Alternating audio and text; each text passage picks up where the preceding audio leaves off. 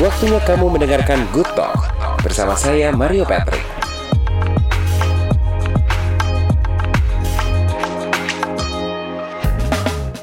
Halo good friend, kita kembali lagi di Good Talk bersama saya Mario Patrick. Gimana kabarnya? Senang sekali bisa ketemu sama good friend walaupun kita seperti biasa ketemunya itu melalui audio aja, melalui podcastnya Good Talk ya. Tapi kali ini seperti biasa saya itu akan menghadirkan orang-orang yang inspiratif yang mungkin ini bisa menjadi inspirasi juga buat kamu karena uh, profesi yang dijalankannya.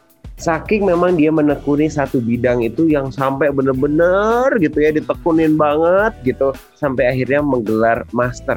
Waduh, kalau saya gelarnya adalah Master of Ceremony alias MC. Nanti saya akan ngobrol dengan seorang laki-laki yang inspiratif banget dan saya saya sih minta waktu kamu sebentar aja sih untuk dengerin karena ini inspiratif banget dan juga idenya itu uh, apa ya istilahnya ya uh, mungkin bisa menimbulkan ide buat kamu uh, berbisnis ataupun juga dengan hal-hal yang lain ataupun balik lagi konsen dengan yang kamu lakukan sekarang.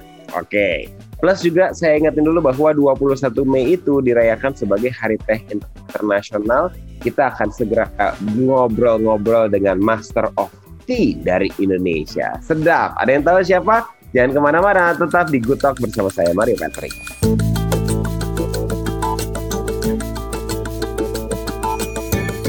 Oke, sesuai dengan janji saya kalau tadi sudah ada bocoran Master of Tea gitu ya, alias Master of Tea bukan t-shirt ya, bukan kaos tapi ini adalah teh.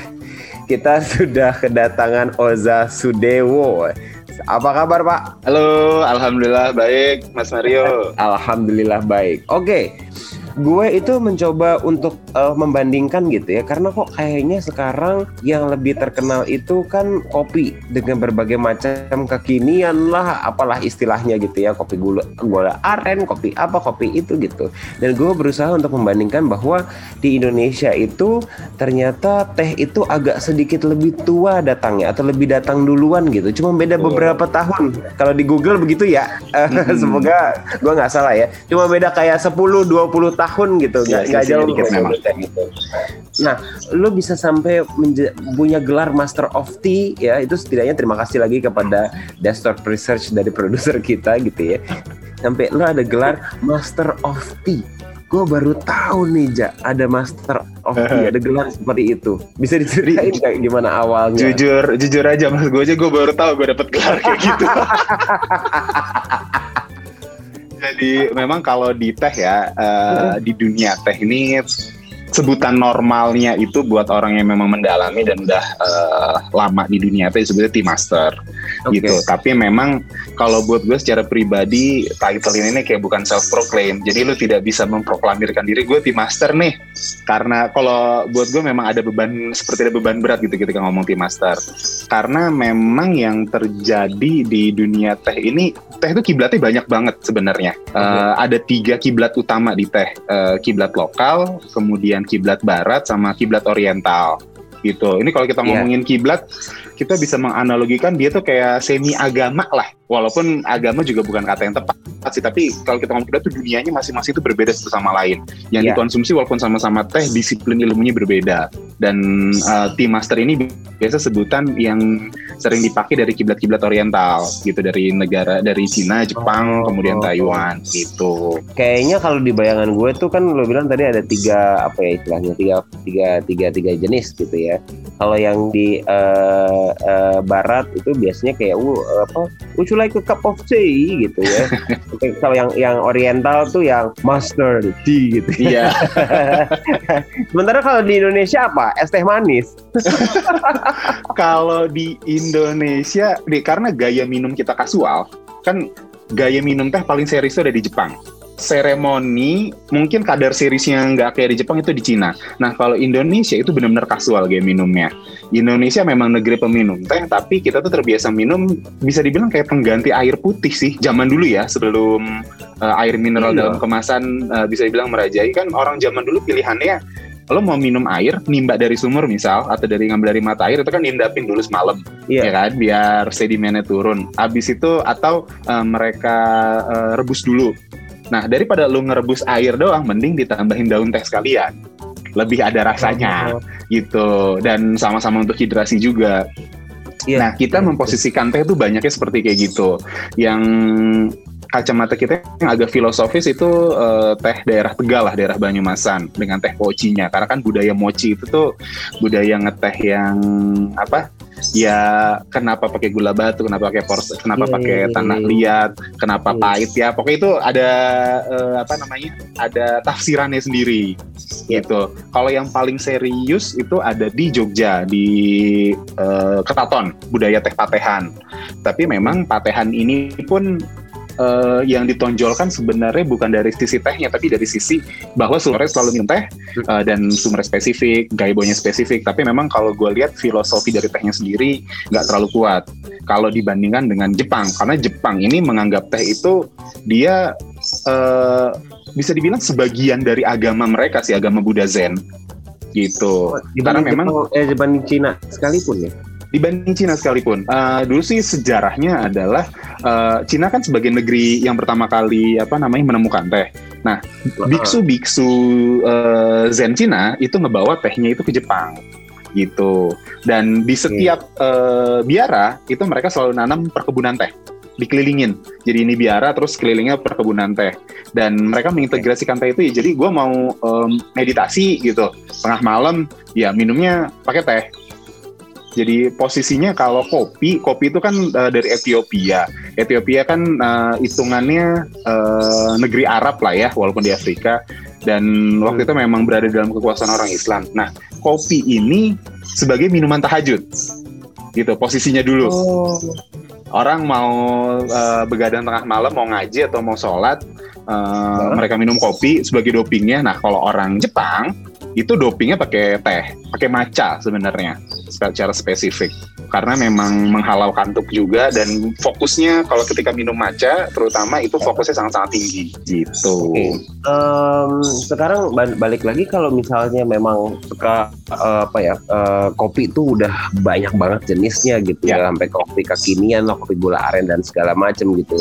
Tapi kenapa ya kalau dan bahkan istilahnya derajatnya dalam tanda kutip terangkat dengan menjadi lebih mass produk gitu ya walaupun yeah. uh, teh aduh udah kurang mass apa sih sebenarnya yeah, gitu. iya benar uh, teh itu biasanya untuk diminum either lo um, mulai dari lo makan dari ini jujur ya kalau dari gue gitu.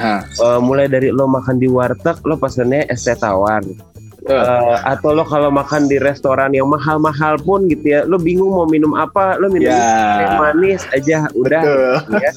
uh, bahkan lo lo sakit perut, lo minum teh, lo pusing, hmm. lo minum teh gitu ya. Tapi nggak pernah ada yang menjadikan kayak you know uh, kapan sih lo minum teh terus lo di di, di foto terus diposting di sosial media gitu. Iya.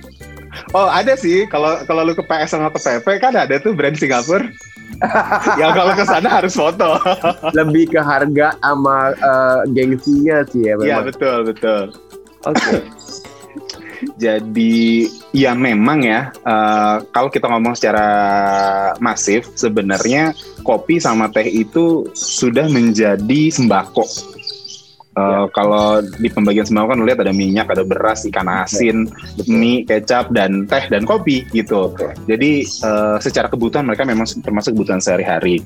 Tapi ketika kita ngomong soal lifestyle modern, uh, kok teh agak tertinggal ya ke, ketika dibanding kopi. Ini sebenarnya take off-nya nggak uh, jauh beda di akhir uh, 80-an, tahun 80. Tahun 80 itu specialty coffee itu mulai naik. Nah, di itu kan naiknya dari Eropa sama dari Amerika. Kalau nggak salah awalnya itu dari Eropa dulu. Nah, specialty tea itu pun sama. Naiknya tuh uh, startnya dari tahun di akhir 80-an. Tapi memang kopi ini bisa lebih menarik ini kalau dalam kacamata gue ya.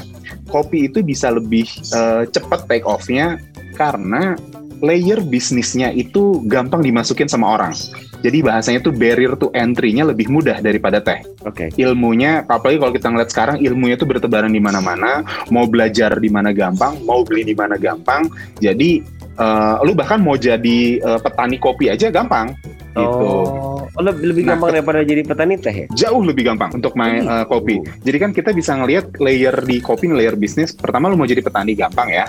Uh, proses belajar proses uh, pasca panen, proses panennya gampang, proses pasca panennya relatif gampang.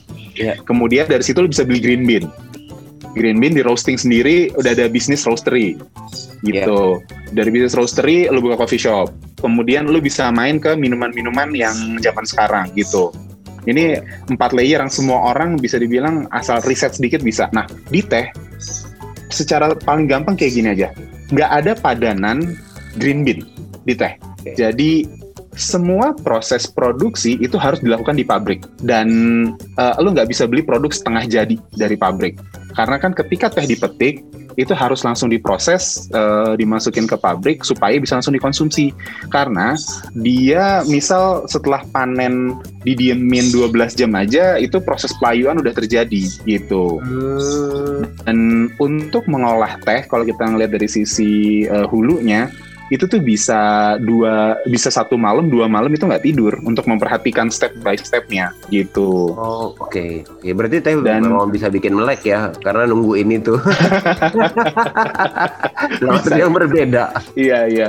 Nah jadi ketika layer bisnisnya memang eh, barriernya jauh lebih eh, berat, ya itu pasti akan berefek bahwa semakin sedikit orang yang masuk ke dalam teh.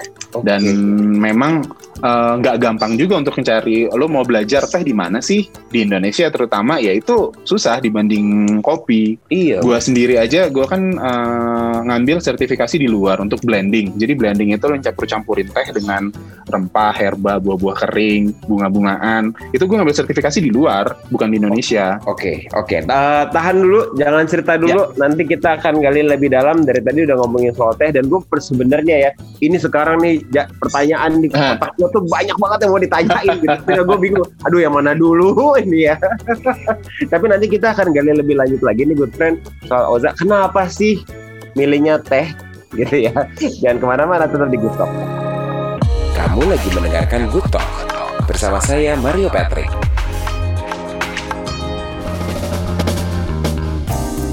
Kita kembali lagi di Good Talk nih, eh, Good Friend dan juga kita masih ngobrol dengan Oza Sudewo yang memang kalau nanya soal teh, aduh teh itu adalah sebuah karya seni, boleh dibilang seperti itu nggak sih?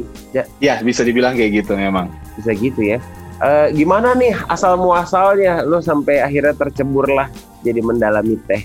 Jadi ceritanya waktu itu di tahun 2010, gue tuh lagi ngerjain skripsi. Karena memang gue dari zaman kuliah kan selalu bisnis dan sebelum lulus gue bisnis yang sebelumnya udah tutup, gue mau bikin bisnis baru lagi.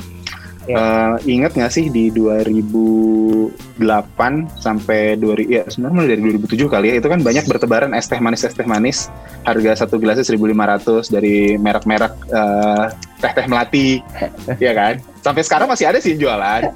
Nah, gue tuh dulu kepikiran, kayaknya seru Iya. ya kalau gue apa namanya, gue coba masuk ke bisnis itu, terus gue kasih diferensiasi. Waktu itu memang di rumah ibu gue tuh sering banget bikinin teh dicampur daun mint gitu, dan buat orang yang gak punya pengetahuan apa-apa di tentang eh, di, eh, tentang teh pada waktu itu teh sama daun mint tuh kayaknya udah keren banget gitu kan, Betul, mikir- fancy banget tuh itu dan keren banget fancy banget. Dan apa? Ya udah deh, gue putusin kayak bisa nih gue coba jualan eh, es teh manis kayak gitu. Siapa tahu eh, penerimaan bagus dan bisa franchise gitu. Gue bisa gue Nah, bisa gue nah. franchisein. Ya, ya. Mikirnya sederhana. Nah, dalam proses pencarian pencarian suplai daun teh ya gue ketemu sama salah satu pemilik perkebunan di Bandung Selatan. Hmm. Dan ketika main ke kantornya, kan tasting tuh, nyoba-nyobain teh-teh yang dia punya. Di situ gue takjub dengan satu varian, namanya apricot peach black tea. Jadi teh hitam dicampur sama buah apricot sama buah peach, gitu. Oke. Itu bisa dibilang aha moment banget buat gue. Pas gue seruput, Hmm? dalam kepala gue, gue mikir, anjir, teh kok bisa kayak gini, gitu. Oke. Penasaran gue jadinya. dan sepulangnya dari sana gue langsung cari tahu sebenarnya apa sih yang terjadi di luar negeri tentang teh karena kan dia juga cerita bahwa si ap- eh, bahan-bahannya dia tuh eh, dapetnya dari luar gitu jadi apricot sama peachnya itu sebenarnya memang bentuknya udah teh terus dia campurin sama tehnya dia Gue Oke. cari tahu di luar negeri kayak gimana. Ternyata di Eropa sama di Amerika teh itu naik, memang menanjak kurvanya gitu. Dan industrinya sudah berjalan lebih dari 20 tahun. Waktu kan gue 2010 ya. Nah, gue baru Ya. tahu dari akhir 80-an ya teh dari Eropa di Eropa tuh sudah mulai apa? Sudah mulai bergerak. Berarti kan ada waktu 30 tahun. Gue berpikir gini, eh, Indonesia adalah negeri yang berkiblat sama barat. Ngikutin fashion barat semua kan. Ketika di Eropa dan di Amerika sudah settle, berarti tinggal tunggu waktu kapan masuk ke Indonesia Betul. betul. gitu dan dari situ gue mikir ya udah deh gue nyemplung aja ke teh sekalian begitu Hmm. ceritanya Oke, oh tapi ini berarti lebih kepada lo melihat opportunity dari segi bisnis side gitu. awal lihatnya. eh, dua berarti sebenarnya ketika aha momen itu terjadi gue ngelihat peluangnya bagus Oke. gitu sebelumnya sebelum gue mau ke teh gue tuh sebenarnya bela- berusaha belajar kopi dulu di 2010 ku- eh, di bawah 2010 lah 2009 2010 itu Karena yang ke bawah arus gitu. Semua Oh, orang bukan. pada kopian. eh, lo mesti inget di tahun itu kopi belum ada apa-apanya loh. Brand baru Iya. ada Starbucks sama Excelso. Brand-brand Jakarta itu setahu gue belum ada.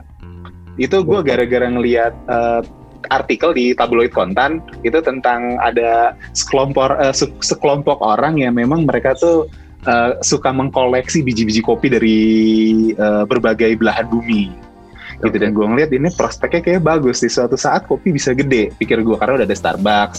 Iya. Eh, iya. dan eh, waktu itu gue berusaha mencari tahu tuh nyoba-nyobain mana sih kopi yang enak seperti apa. Dan itu pencarian kalau nggak salah mungkin gue nyoba-nyoba tuh tiga bulan sampai enam bulan gitu. Atau mungkin hampir satu tahun ya gue agak lupa. Tapi Hmm. di situ gue nggak pernah terpukau. Hmm, gue cobain ya kopi ya begitulah. Itu Vietnam drip waktu itu mulai diperkenalin. Gue ketika gue Hmm. cobain Vietnam drip ya Vietnam drip ya begitu aja Oke, iya. makanya ketika gue cobain apricot peach black tea itu lo gimana ya gue gua agak agak susah mendeskripsikannya sama kata-kata sih Gue penasaran jadinya kayak apa nih enak banget. Oke, jadi setelah eh, lu tadi sempat bilang bahwa lu juga dapat gelar gitu untuk si eh, teh ini ya menjadi seorang tea master gitu. Eh, gimana eh, di mana tadi gelarnya sorry Ja? Eh, tea blender certified tea blender. Dari luar atau di dari ini? luar dari luar. Guru gue orang Australia. Kenapa lo merasa bahwa lo sampai harus me- eh, mengambil pendidikan formal gitu? faktor bisnis sebenarnya. Waktu itu ketika gue awal mengaw- eh, mengawali bisnis teh ini kan gue ngambil dari pabrik si pemilik perkebunan ini. Ya. ya kan? Dia biasa tuh ekspor. Gue potong jalurnya eh, untuk bisa menjual barang-barang yang biasa ekspor itu di dalam negeri gitu dan di dalam perjalanan gue mulai mengimpor teh-teh dari Eropa nih kalau lu biasa jalan keluar kan sering tuh ya ada orang-orang yang jalan dari Eropa dan mereka tuh dan dari Eropa mereka dan mereka selalu bawa uh, oleh-oleh teh Iya kan itu kan banyak banget orang kayak gitu. Iya. Eh, dan memang tea blending secara spesifik itu tuh sangat berkembang di sana gitu. Heeh. Eh, gue ngambil juga dari sana dan gue ngambil utuh. Lu bayangin eh, awal-awal utuh dalam artian gue tidak melakukan perubahan apa pun. Jadi ada misal ada satu varian eh, ambillah eh, mango green tea. Nah mango green tea ini gue ngambil dari luar, walaupun gue punya teh di Indonesia karena gue belum ada ilmunya sama sekali. Gitu. Dulu tuh secara perhitungan bisnis seksi. Iya. Eh, euro masih rendah, harga di sana masih rendah. Nah, bisnis berjalan mungkin 4 tahun lima tahun, harga naik dua kali lipat, euro naik dua kali lipat, Hmm. Hmm. Gitu. Dong ya. nggak masuk akal. Akhirnya gue mikir ini mau nggak mau kalau gue pengen tetap serius di teh, gue harus belajar sendiri untuk ngeracik. Nah di 2016 ya udah gue putusin oke, gue mencari eh, perguruan, perguruan, perguruan teh di luar negeri Hmm. eh, di mana gue mesti belajar dan paling deket waktu itu di Australia gitu. Pilihannya sebenarnya ada di Australia, ada di Amerika, sama di Inggris, Kanada juga ada. Oh, Ya, kita tapi ngomongin- negara-negara timur enggak ya? Asia. Negara-negara timur enggak, justru enggak. Karena memang kalau Cina itu dia kan kiblatnya oriental. Lu bayangin pemosisiannya kayak tempe. Mungkin nggak orang Indonesia belajar tempe dari orang Jerman misal? Kan nggak mungkin. Nah, jadi eh, orang Cina bisa dibilang tidak mungkin belajar teh dari orang dari negara lain. Kurang Oh. lebih kayak gitu. Walaupun ada tea blending sama teh-teh yang biasa mereka mainin berbeda, tapi kan masih dalam satu scoop teh. Oke, itukah makanya lo menghadirkan kalau Instagramnya di oza.tea itu ya? Iya, Eh, betul. Eh, maksudnya lo eh, menghadirkan berbagai macam varian teh gitu untuk kasih lihat bahwa ini teh tuh memang modelnya eh, bisa lebih apa ya bukan bukan hanya sekedar es teh manis yang lo pesan secara Iya, random pas betul. biar main aja gitu Betul. gimana asal eh, latar belakangnya dari Oza Roti ini Nggak? Eh, memang asalnya ini dari keresahan ya. Keresahan gue ngelihat, gue kan sebenarnya gue asli Jakarta tapi gue tinggal di Bandung. Dan gue ngelihat orang-orang Ba- Bandung ini dikelilingi oleh perkebunan teh. Ya. Kalau lu perhatiin tuh eh, di peta memang di utara ada, di selatan ada, di barat pun ada, di timur doang yang nggak ada perkebunan teh. Tapi ketika ditanyain ke orang-orang Bandung aja atau orang Jawa Barat yang lebih luasnya, mereka ngerti nggak sih tentang teh yang berkualitas? Itu pertanyaan pertama. Dan setiap kali gue tanyain, 99% selalu bilang, nggak, mereka nggak tahu teh yang bagus kayak gimana. Kemudian pertanyaan kedua, tahu nggak cara nyeduh teh yang benar? Mereka juga nggak tahu, gitu. Jadi memang Ozati ini dihadirkan untuk eh, supaya orang-orang Indonesia itu bisa menikmati teh-teh terbaik dari negerinya sendiri, gitu. Oke. Kenapa fokusnya di blending? Memang supaya orang-orang tuh bisa lebih mudah menikmati teh dengan cara yang sangat menyenangkan. Karena memang kan yang gue bikin variannya tuh lucu-lucu. Ada lemon vanilla, kemudian Iya, iya, iya. ada cotton candy gitu. Mango mint. Iya iya iya, oke oke. Karena sejujurnya sih teh-teh yang ada sekarang itu tuh biasanya eh, apalagi kalau teh teh teh dalam kemasan gitu ya, itu udah kayak kalah sama gula ya gitu kalau buat Eh, gue. betul, betul. Ya hanya kayak oke you have the a bit taste of coffee gitu ya, the rest is gula aja udah gitu. Iya, betul, betul. Oke, tunggu ya. Gue sampai harus me, me- apa mengurut ubun-ubun gue supaya gue bisa ngeluarin pertanyaan satu persatu.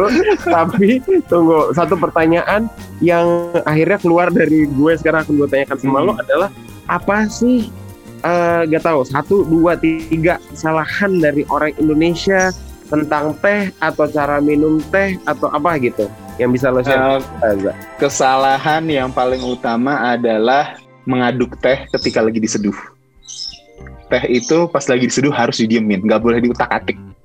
Jadi misal gelas dimasukin teh, tuang air panas, udah diemin aja. Jangan di gini-gini, jangan dikocek-kocek. Kenapa? Kenapa? Kenapa? Karena teh itu mengandung tanin. Tanin ini uh, antioksidan yang memberikan rasa sepet sama warna coklat gitu. Oke. Yang stain uh, noda-noda teh itu asalnya dari tanin. Nah, sepet juga asalnya dari tanin. Ketika Ya. diudak-udak, dia akan over extract. Ketika over extract, taninnya keluar terlalu banyak, sepetnya berlebihan. Ketika sepet berlebihan, jatuhnya getir. Getir tuh kayak lo ngejilat getah, Tahu tahu tahu bikin mengkeret gitu. Kesalahan kedua, mereka menyimpan daun teh terus-terusan di dalam air. Jadi setelah diseduh, pro- jam eh, menit seduhnya selesai, ampasnya itu harus langsung dipisahin. Oh gitu. Bukannya lebih da- lebih lama. Gue kan punya prinsip ini bukan hanya dalam teh aja ya, tapi apa Iya. yang lain gitu ya. Lebih lama lo taruh di situ, semakin apa ya meresap. Semakin gitu. kuat. Semakin Eh, keluar. semakin Ah, kuat gitu. Jadi begini, teh itu grade-nya kebagi ke dua garis apa namanya dua grade utama lah, grade reguler sama grade specialty. Yang gue mainin ini grade specialty. Ya bisa dibilang kelasnya wagyu lah kalau di Ya. daging. Yang biasa orang konsumsi ini kelasnya kelas cornet sama daging-daging keras gitu.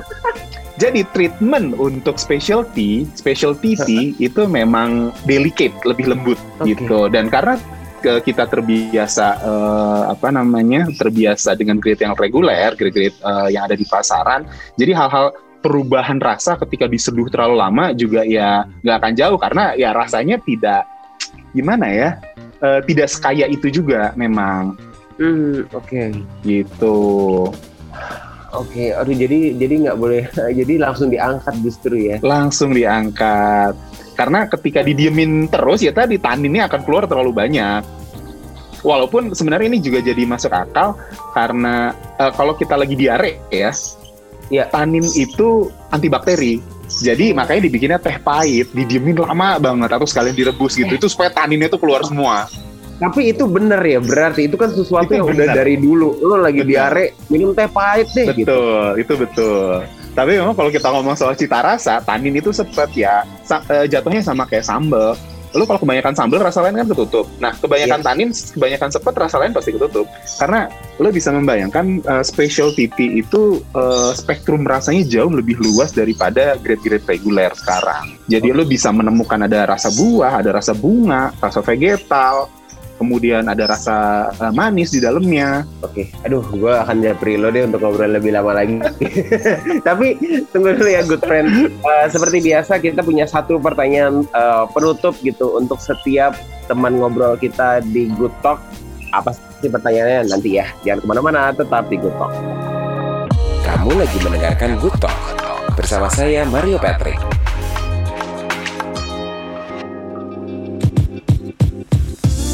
Kita kembali lagi di Good Talk nih Good Friend masih ada Mario Patrick dan juga ada Oza Sudewo. Kita ngobrolnya seru banget termasuk juga banyak sekali insight-insight soal uh, teh, bagaimana menikmati teh dan juga fungsinya teh itu yang memang ternyata benar juga kalau diare itu harus uh, minum teh pahit itu benar ya. Bukan hanya sekedar turun temurun aja dari orang tua tapi memang rupanya memang ada manfaatnya di situ. Nah, satu pertanyaan terakhir buat Oza Sudewo teh itu buat gue adalah uh, hidup. Udah, itu doang jawabannya. Karena memang beberapa tahun lalu gue memang berkomitmen ke uh. diri gue sendiri bahwa gue memang akan mencurahkan umur gue untuk hmm. teh Indonesia bisa dibilang kayak gitu karena hmm. gue merasa kita nih teh Indonesia itu under appreciated baik di dalam negeri maupun di luar negeri gitu yeah. padahal potensinya sangat luar biasa ya kita ngomong potensi bukan sekedar potensi bisnis tapi ngomong soal romansa masa lalunya kemudian kekayaan rasanya gitu dan sampai akhirnya ke industri-industri yang ada di belakang teh itu kalau teh Indonesia maju eh, banyak yang akan bisa diuntungkan dengan adanya teh ini dengan uh, ya kemajuan special TV di Indonesia. Hmm, um, teh itu sama kayak kopi nggak sih ada berbagai macam jenis tuh? Ada ribuan. Oh, ada ribuan. Ribuan jenis sebenarnya. Tapi kategori utamanya ada enam. Jadi ada teh putih, ada teh hijau, ada teh hitam, ada wulong, ada puer, sama satu lagi teh kuning. Uh, gitu. Teh kotak beda ya? teh kotak beda. Apalagi teh botol teh di dalam botol. teh botol dalam. Teh botol yang bentuknya kotak.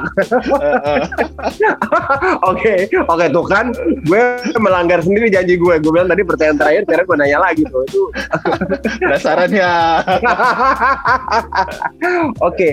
Uh, Oza, thank you so much. Sama-sama. Thank you, Terima thank kasih. you so much. Gue senang banget karena uh, apa namanya kita semua dapat banyak sekali pencerahan gitu soal teh bahwa kayak teh itu sebenarnya memang uh, apa bisa fluid kok bisa maksudnya fleksibel kayak lo minum si kopi kekinian gitu. Lo mau uh, kecap sama teman-teman uh, mas maksudnya kumpul sama teman-teman lo bisa lo ngobrolin update soal kehidupan. Maksudnya bisa juga sepopuler uh, sekarang kopi gitu dan potensi Indonesia pun juga ada. Thank you so much dan uh, lo kasih kasih gambaran juga ke good friend bahwa sesuatu itu kalau misalnya memang lo punya satu ide dan lo pasti punya satu momen untuk bisa men mendapatkan inspirasi untuk mendalami sesuatu itu yang harusnya sih akan membuat lo jadi lebih banyak lagi pengetahuan tentang satu bidang itu dan bahkan bisa dikategorikan ya sebagai Oza ini udah digelarin sebagai the master sedap. Thank you Oza.